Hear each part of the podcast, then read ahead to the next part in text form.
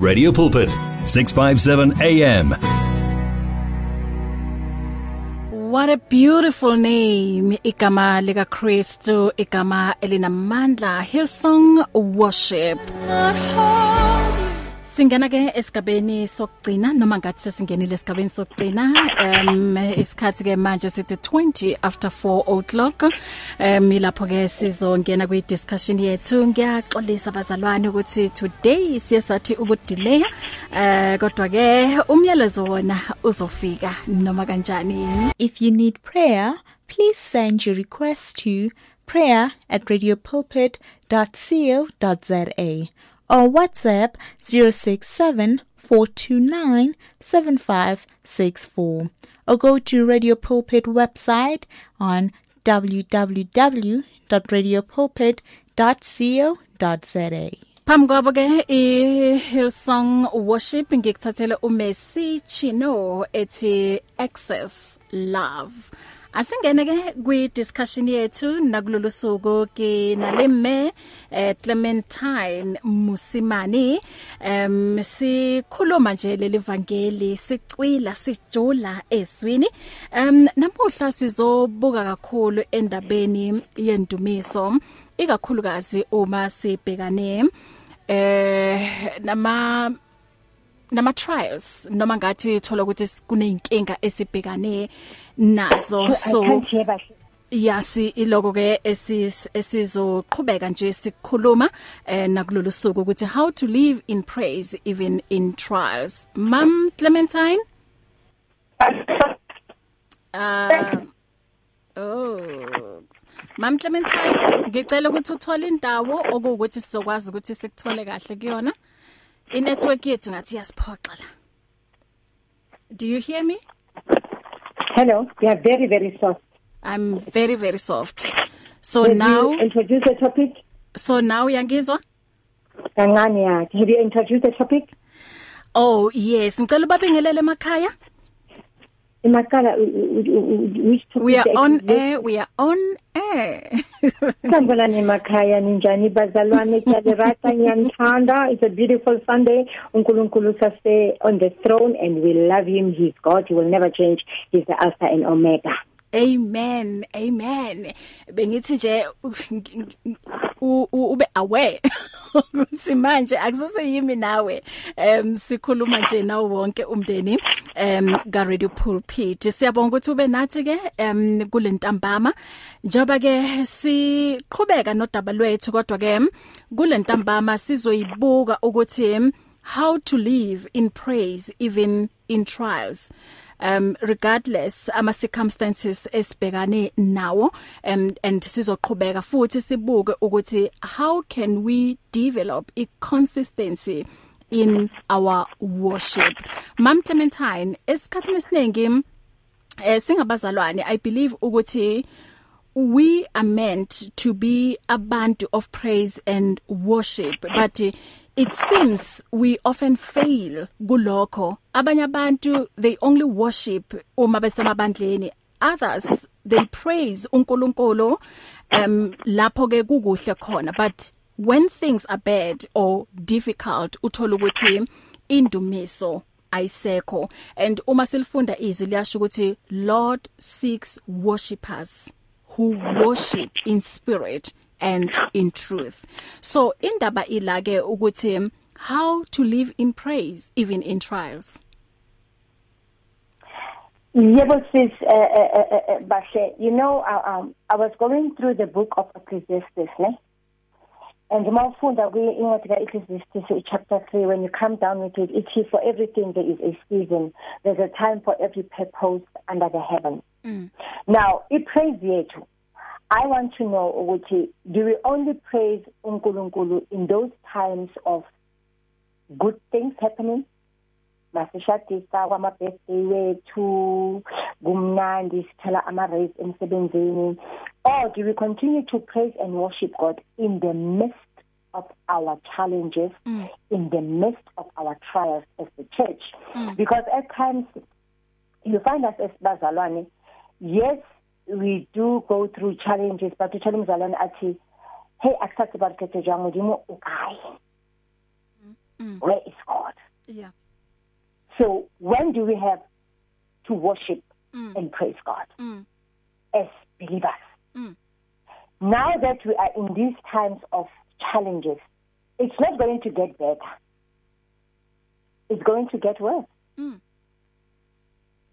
So my question is, siyophelela endleleni na noma siyoqhubeka simdumise uNkulunkulu even when the church mm. which is us is persecuted. Mm. By the way, with the seasons, it is there's a time to kill, and some of us we find ukuthi we experience people being killed, people dying in accidents, people being killed by a virus, people being killed by an epidemic. Today, sisaba nokuya ibhedlele. Do we give up, or in the midst of these challenges, do we continue to say, "Wahalalela, wahalalela"? Khosi ya sikhosi morena wa marena tla uya leloko la Juda usase unkosi inkosi or do we just give up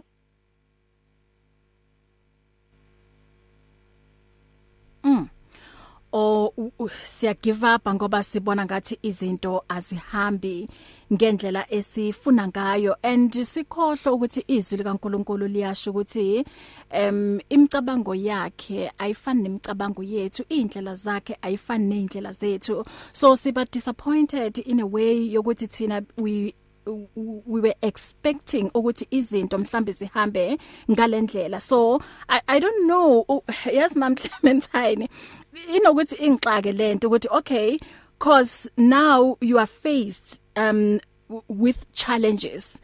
Now it means ukuthi kumele indumiso yakho nayo iphele yini uh, i don't know ukuthi ngokwenza njalo you thinking ukuthi you are punishing god because izinto azihambi ngendlela or you are blaming him ukuthi why ualawa izinto ezikanje em zenzeke empilweni yami. Umbuzo wami ke ukuthi ngabe sibandla siku le season engafuni ukuzwa amaqiniso kodwa em sifunela nje ama miracles. Noma umuntu eyesontweni ufuna ukuzwa le inkulumo ezemnandi uyabona um le gospel ye prosperity eh, eh, angisho ukuthi it's wrong but ngathi esikhathini esiningi abantu bafuna lokho ukuthi you know balokhu baphakamisa izandla umuntu athi as uh, umuntu athi i receive. Esincwadi ka 2 Timothy 4 lapho ku verse uh, 3 to 4 iya describe ukuthi in the last days abantu will not be able to stand sound doctrine but instead they will gather around them um bafuna ukuzwa njoba ngisho ukukitazwa indlebe em mhlawumbe ukukhulunywe nje izinto ezipositive ngazo zonke izikhathi but uma kuba khona nje ama circumstances anzima enzeka eh, lapho kwenze noma umuntu kwenzeka empilweni yakhe ethi ayi cha mina futhi anginawo amandla ukuthi ngiqhubeke ngimdumise uJehova. Impilo yami ikanje and why uNkulunkulu kumele avumele izinto ezifana nalezi. So njoba sikhuluma indaba la ukuthi how to live in praise even um in trials. So nanoma kunzima kangakanani yini ekumele isiphakamise and then simphakamise kakhulu manje uJehova noma izimo zinzima? Sibahle I think as as as as as the body of Christ mm. that's why I am quoting Ecclesiastes chapter 3 oh, oh, like this one says for for everything there's a season and a time yeah. for every purpose under the heavens. Moya verse 2 it is there's a time to be born yeah. and there's a time to die yeah. when abantu bezalwa it is nice umntana uyafika emhlabeni mm. we are all celebrating it is nice when time of dying comes this is another time in our lives as a church. How do we then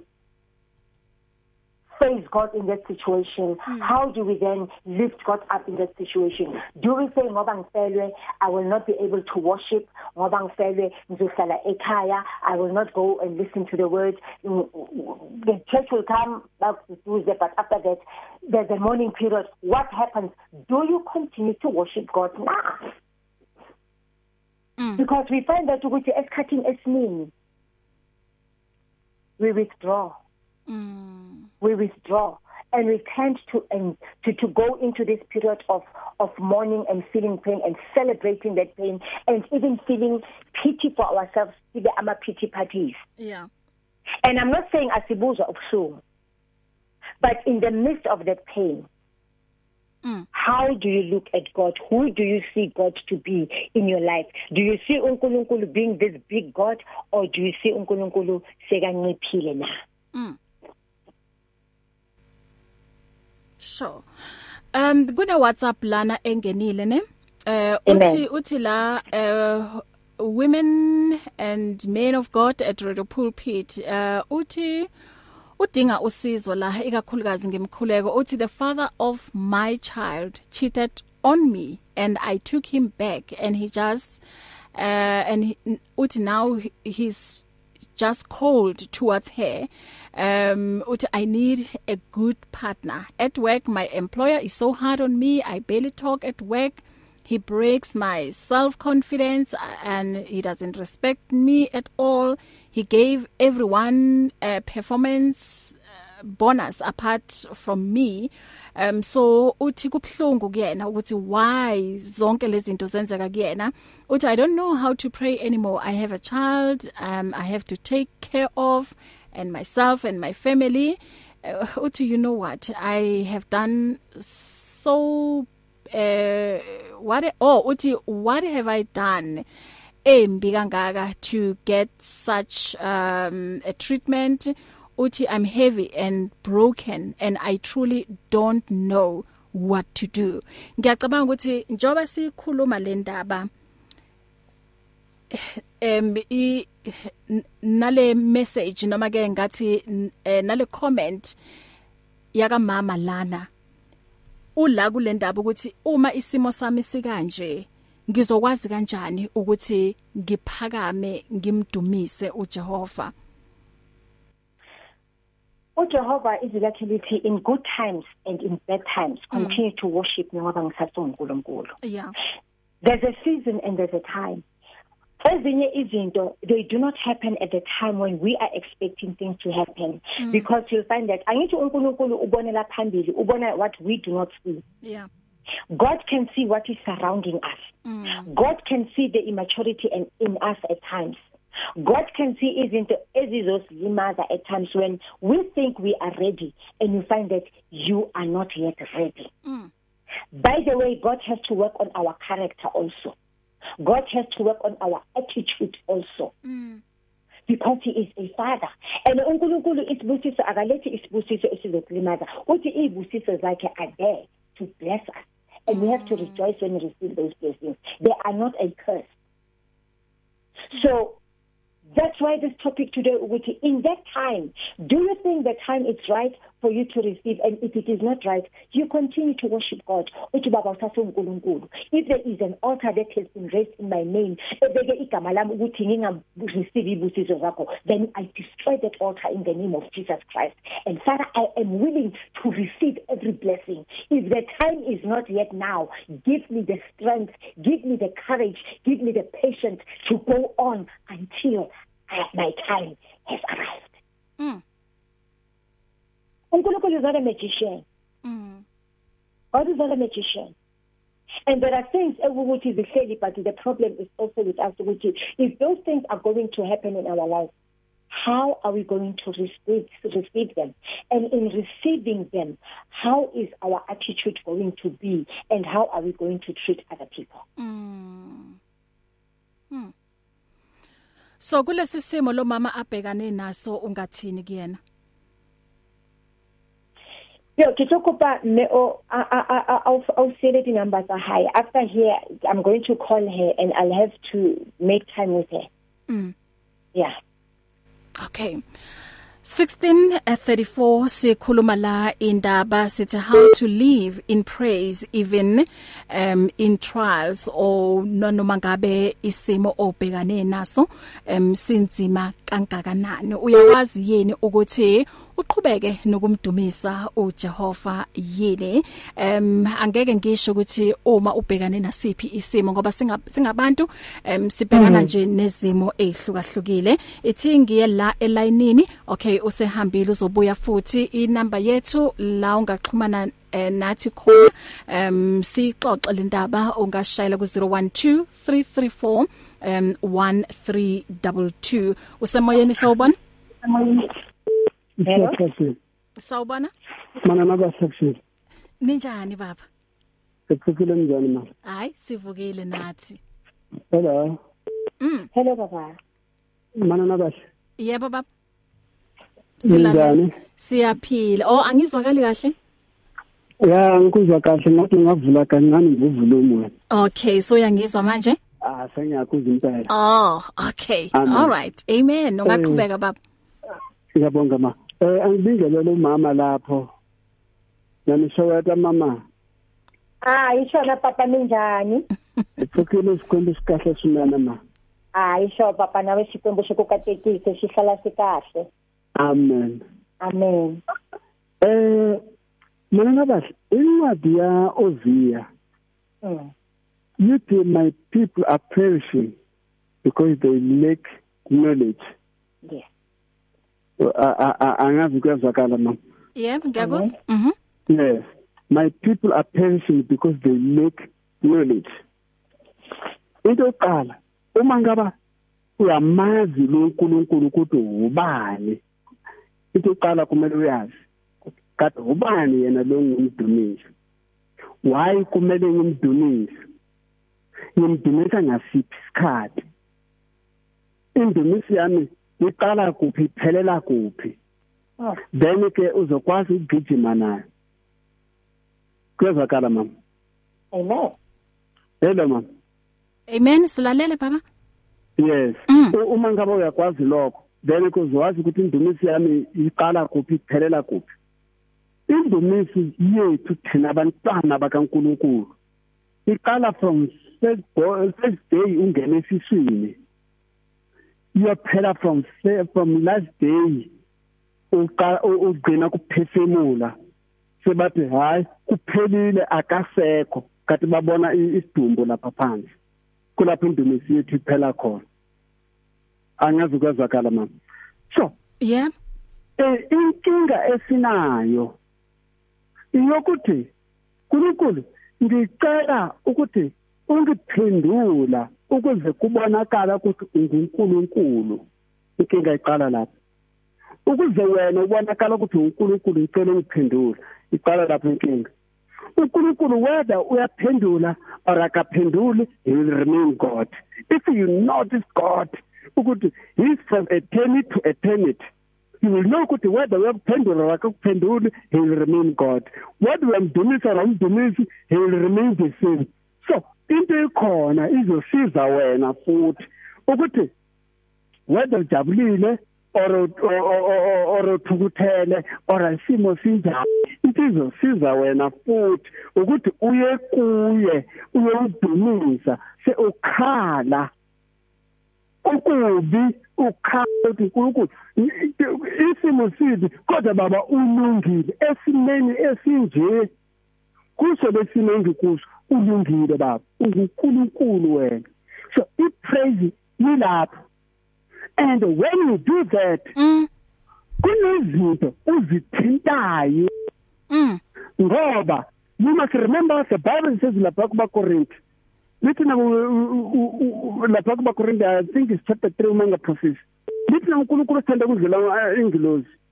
Why ubhetele lisho kanjani? It's because ingilozi azikwazi ukulamba azikwazi ukuthuka azikwazi ukuthi na zigwaro izinto ezifana lezo they are spiritually thina sazi imvula sakwazi ukulala singale singadlile sakwazi ukuthi na izinto ezifana lezo so the moment uvula umlomo udumisa esimeni esibi izulu livele lihlokome lonke usathana athatha umsila afana nowenja awubeka phansi kweinyawo abaleke ngoba laphana athi akuhlokumeza khona. Wayicabanga ukuthi wena indumisi yakho izophela.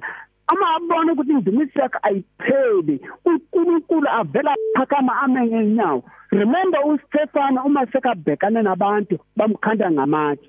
Ubuka izulu uthi ngibona izulu livulekile. So kulapho kumele sithathe amehlo ethu sobukise khona. Inkosi yami sibusise mama. Ngicela ukuthi kumama lo unale inkinga leyo befunda lakhe manje. Mm mm. Makamqhubeka amdumise. Phakathi kwevunguvunga Mm. amdumise phakathi kuzo. Mm. Angayeki. Amen. Usathana azoswaba hey. Amen. inkosi yami samayibusise ma hallelujah. Thank Sikhona you simgade thank sithi you. Nkosi Sibonga. thank you baba ngecontribution yakho. God bless you. Amen. Amen. What a blessing. mm. What a asi blessing. amen. Asithatha umunye ngala. Sawubona usemoyeni. Dumelang le kae mme re teng le kae ntate. Re a dumedisa ka lebitso la morena jesu wa nazareta amen. Mantswe ke ratang go ao ke gore um nako tse ding re handlela dipeini ka tsela tse sa tshwaneng. Re le batho. And then ho ye o etsagale gore um o blame modimo o le maemong a le goreng o ho ona ka lebaka la peini gono ga o bolele gore o tsile bo modimong and then eh ha maemo a le jwalo ntho e important e leng ya bohlokwa ke gore wena tlamehile o dule o ikhipa o le on the line jwalo ka ngwana modimo. Gobane eh maemo a mang ha a fitla maphelong a rona ke re modimo re creatile re sa tshwane le rona bophelong. Ka nnete mhm. So ha ona hore eh motho o mong yena ha a le paining a kgona go worshipa modimo. And then nna ke le paining ke sa kgone go worshipa modimo o bolela gore i'm out of the line. Mhm. ntho e ke le kang o itsho ke gore um nako tse ding le ga o ntse o le paining o kgona go blama modimo gore modimo o itse lentsweng la ga one two three four. Why o sa etsagale hoo? Go etsagala ho itseng. And then empa gona ka gare maemo ao utlwe modimo a ntse a bua le wena. Ke a leboga amen. Re a leboha ntate. Wow. Um 0123341322 eh sisaqhubekile ke sithatha incengo sibuka la ukuthi how to live in praise even in trials. Sawubona semoyeni sisi eh wemfundisi ninjani? Ukumama pakuthi kuvela kude sibahle kodwa ke mm. siyakufa nje kancane. Hayi sibahle. I- i- o- akukho kona kona ubaluleke kakhulu. So very very very much important. Ku ku ku ku ukuba nalamak sibahle. La seal eh okanye la identification mark now ekuthiwa ngumoya oyingcwele. Na number 1 because sibahle usebukhoneni kukamoya oyingcwele.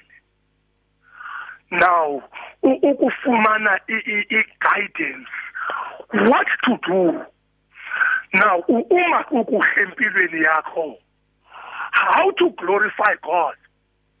Njengoba engenzele obubuhle bunje and at the same time sibahle. What to do? Mandenze ntoni? Uma kukubi. Uma kukubi. Umoya oyingcwele unguthixo aphulaphula. In you. Now azawuthi ngoJobi 122 U- u- uyabona uJobi yi yi reference leya. Now esayinikwa ukuze siyazi ukuthi xa ekukhe kwasesama ebomini bakho okanye kusesama ebomini bakho ngoku so iyazi ukuthi kungaphetha kube sewinter. So ekukujobi kusesama enayo yonke into. Sajikimeko kwasewinter kwavuthuluka kwanto but uthi verse 22 chapter 1 uthi kuko konke noma ndingazibona ndisewinter sangabe nakumsola nokumsola uthixo. David didn't complain Ah, ah, ah, kuba ebenako ebekunikwa ngujesu ebenikile ngoko ke uphinda hlabathe lithi ke mama umuntu uma enomoya oyingcwele unomnyamezelisi so unothixo ojobhisa angalahlekelwe nguthixo kakwalahleka nje indaba yabantwana ababolekwe nguthixo and at the same time uJobi i7000 egusha wayenaso wayezibone kwenguthixo ingoma emakhama nakwephini situation bad injengoba injalo but if unomoya oyingcwele unothixo athi ukholo lwakho will be tested and at the same time so ukulinda kwakho will be tested and ukunyamezela kwakho will be tested and ithemba lakho kuthixo will be tested Bethike lona umsebenzo yani abantu bakathixo beperisha njena kungenxa babadinga ulwazi ngothixo that's the problem badinga ulwazi ngothixo if you know God angikhathe noba kwi-bank account osilo bangalekana ungabi naso but uma ngaba unothixo oluphelwe umsebenzi uma unothixo unomoya oyingcwele wini mama ndiyabulela inkosi sisikhelele Hey, siyabulela tata. Siyabulela. God bless. Wow. 0123341322 ngicela ukuthi ngiphinde ngigijimele ngala Mam Clementine asigijimele ngala eh kuma WhatsApp voice note. Nkosazana sibingelele sibingelele wonke umndeni ka Radio Pulpit esitishi channel esitisa kamahungu leyo nkosi ya Jesu Kristu. Manje ke la nkosazana siyezwa la kahle kahle. Eh empilweni uma thina abantu singamaKristu empilweni ufuna thina abantu sibe ngamaKristu ukuze siholwe lo moya kaKristu eh kubekele phambili manje ke lokho ke angeke impilo ihlala injalo vela. Kuba mnandi kube buhlungu kunasemshadweni kuba mnandi namuhla kube mnandi vela kuphinde nje kubabe kubabe ngale. Kube buhlungu futhi. Manje ke impilo Kalimambo, kalimambo, siyabonga. Mm, asithole futhi enye nansi i voice note. Sanibona sesibahle noma mfundisi lapho. Nami ngiyafika nje sengithola seniphakathi kodwa ngiceda ukuzwa lo mama oceda ukufona manje uthi akazi noma fata khule uNkulunkulu noma umkhuleka kanjani. Nami ngithanda ukukhuthaza ngihambe phezulu kwamazi kamama umfundisi ukuthi uyakhuleka uNkulunkulu. uNkulunkulu simkhuleka singenalutho. Ngoba fathi sikhumbule bazalwane we live by faith. Yeah. so sihamba sithembe yena sihamba sibeke yena phambili. Ngoba by faith yena he manifest everything. Manje masingena faith kuba inkinga kwala noma kungena lutho efridgini siyamkhuleka uNkulunkulu iBhayibheli lithi uNkulunkulu simkhuleka kubhlungu Ay amen. Amen. Isakele. Uthi akusisona isikhathi sokufuna umuntu, isikhathi sokufuna ubuso buka Jehova. Um ngiyacabanga nami ngiyavumelana naye Mam Clementine. Hayi nami ngiyavuma mama ngiyavuma a time to weep in the midst of your weeping Yes. uthi baba i'm holding on to the hem of your garment Mm. i'm calling upon the name that is above all names ngoba jehova izwi lakho lithi konke kuhleli kuwe Mm. mina nginalutho ke tla ke le fela fela ke sina letho fela ha ke bitsa wena ke ba motho Yeah. Mhm. Uyazi se- sengathi singafana no Paul. Yazi uPaul ube ngumuntu ohlezi egcwele indumiso. Ifocus yakhe beyingekho kuma circumstances but on the wonderful grace of God. So sengathi nje um singafana naye. Uyabona eh, into engiyiqaphelile Mam Clementine ukuthi em, in order to live in praise singabazalwane kumele sifocus on our spiritual blessings and uma sifunda incwadi kaEphesians 1 3 verse 6 i- ichaza kabanzi nje le ndaba uma lapha ekhaya uphethe la ungabhalela khona nje ama notes wakho Ephesians 1 3 verse 6 mhlambe uma ngisinaso isikhathi singayifunda nje um sisonke Mam Clementine asigijimele futhi la kuma voice note sizwe ukuthi uthini la eh umlaleli Hello bahle. Let the weak say, I am strong. Let the poor say, I am rich.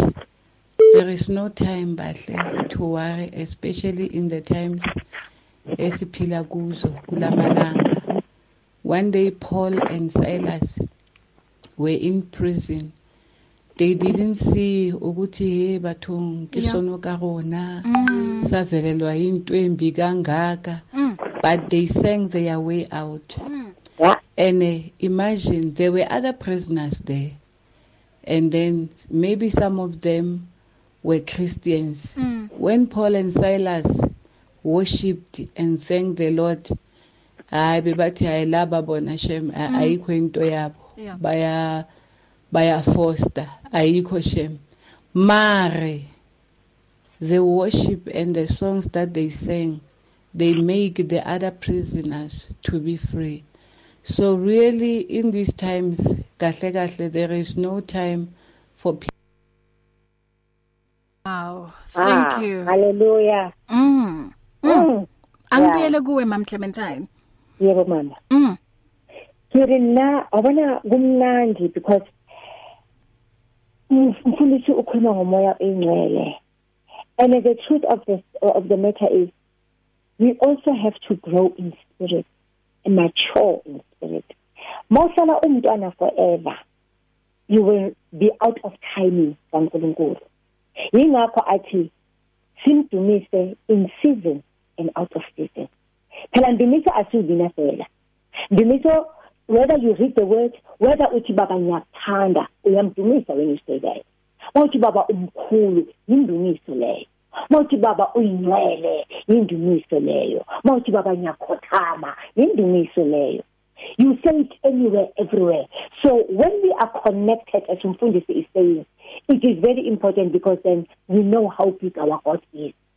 Umama khuluma ngoPaul and Silas ukuthi when they were praising and worshiping God in the midst of a cell other Christians maybe they were there as she's saying but that ah kunini ngathi sila ukasidumisa umudimo namhlanje tomorrow you are out. Ukhumbule ukuthi konke angikhulekanga ngo3 bona khubeka in the midst of everything. Ne ole ore o batla motho? O re o re modimo o re nna ntse monna hao. That's how you let aba felo kae and when you know god when you grow in god when you mature in god and the flesh dies you are going to understand how what it means to be content with what you have. Ntho tse ding di batla modimo ma ntho tse ding di batla thina ukuthi sikhule emoyeni sikhule kuNkulunkulu sikhule ezwini sikhule in our worship and then Mm. the blessings will come asekeleni ukufuna ama blessings Yeah. before siba rooted Yebo. Wow. Um okay kunomunye la elayinini sawubona usemoyeni?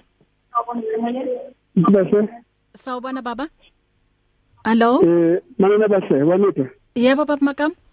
amen Amen. eh ngithanda kumkhumbuza futhi sisi ngikhulumile nje manje ngithanda kumkhumbuza nje ukuthi inja ayigidimisi imoto eningi iyayichamela Mm. usisi lo lo usendele message manje Yeah. ya inja mayi imoto mayimile inja sike ihlale phansi ko phansi kwayo kuba umthunzi or ichamele nje eh, ngoba iyayibona ukuthi ayinamsebenzi into le yena njengoba isimo sinje akaseshe ukuthi uNkulunkulu yini isimo asikhulumayo ngami uma kunje ngoba kwenzeka uNkulunkulu ikhona into inkulu afuna kuyenza but i- usathana uzama ukuvimba vimba so that angaboni and lento le is just to keep her busy alokho abukana nezinto zomsebenzi kade kunomsebenzi eh, a bigger picture okumele ayibe ayibheke le kusomsama yini besisi Amen. Amen baba. Mm.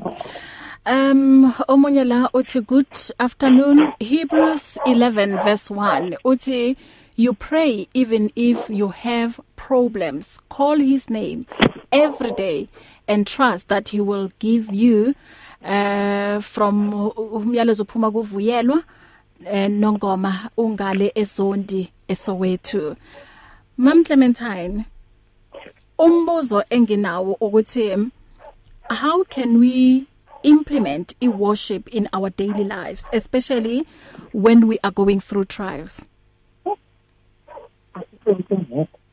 Aw awungizwa ma? Sengiyeza mama, sengiyeza. Okay. Yebo nasengiyeza. Oh yes. Um umbuzo ukuthi how can we implement i-worship in our daily lives especially uma sibhekane nama trials?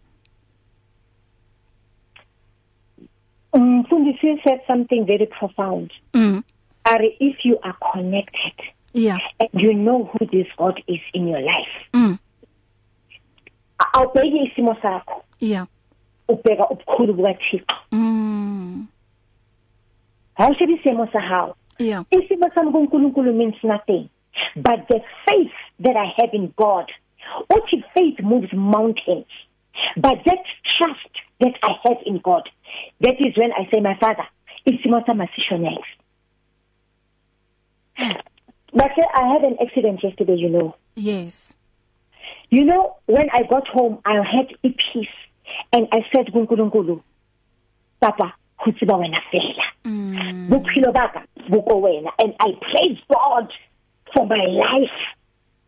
Imoto you can replace, but my life is not replaceable. Izimo they come and they go. Mm. But God remains the same yesterday, today, and tomorrow. And tomorrow. Uhlale nguNkulunkulu. Mm. Wow. Isikhathi ke sithi 1657 and siyambonga Mam Clementine uJehova ngokuthi ayigcina impilo yakho njoba usho ukuthi ezinye izinto singakwazi ukuthi um sizi replace kodwa impilo um uyazi nje kuyinto eligugu. So ingakho nje eh, kumele simdumise uJehova. Nanoma ngabe mhlambe wena isimo sakho usibona ngathi hey sikhulu ukundlula eh, esabanye. And ngesinye ikhathi singabazalwane ngiyacabanga ukuthi iphutha esilenzayo si I don't know ukuthi uma mhlawumbe ku right empilweni siba relaxed and then sikhohle ukuthi zingaba khona izimo okuwukuthi zingaphinde futhi zikunyakazise. So uma zifika ungathi sesiyamangala ukuthi kanti manje sengiphila komuphi umhlaba. I believe ukuthi ngezinye izinto ezenza ukuthi ingabi khona iconsistency um ku ku ku worship. Mhlawumbe bongangizwa ne? Oh so yangizwa manje? Yebo ma. Okay yeah uyabona nje inkinga yefone iyona le But uNkulunkulu usase unkosi. Amen. Amen amen Bahle kuyalunga. kuzolunga kodwa njengoba uchazile ukuthi uye waba nayo ingozi yesterday so um sebaya understand ukuthi kungani ungekho la um e studio so bengisho phambilini ngithi siyambonga uNkulunkulu ukuthi o- oku okuyiligugu okuyimpilo uNkulu uyigcinile impilo yakho uJehova. Yebo into eyimaterial izinto eziphathekayo singayikhalela kodwa ke lokho kupossible ukuthi sikreplace kodwa impilo yona ngeke sikwazi ukuthi sireplace thina singabantu. So siyambonga uNkulunkulu ukuthi usigcinele wena naku nanamuhla. Sisakhuluma ngayo indumiso. Ngiyacabanga ukuthi mhlambe uma bowungomunye bozothi hayi cha uyazi ukuthi kumele ngiyisebenzise le moto kumele ngiye le na le ngiyoshuta ngisebenze ngiye ku radio pulpit kodwa bona wenzani khona manje kodwa wathi cha mina ngizomdumisa uJehova and Amen. ngizophinda futhi ngiencourage abanye ukuthi nanoma ngabe kunzima kangakanani let us continue and then simdumise uJehova Hallelujah man. Hallelujah. amen kuna kuna voice note lana ngaphambi kokuthi sivale ngicela ukuthi siyilalele Amen.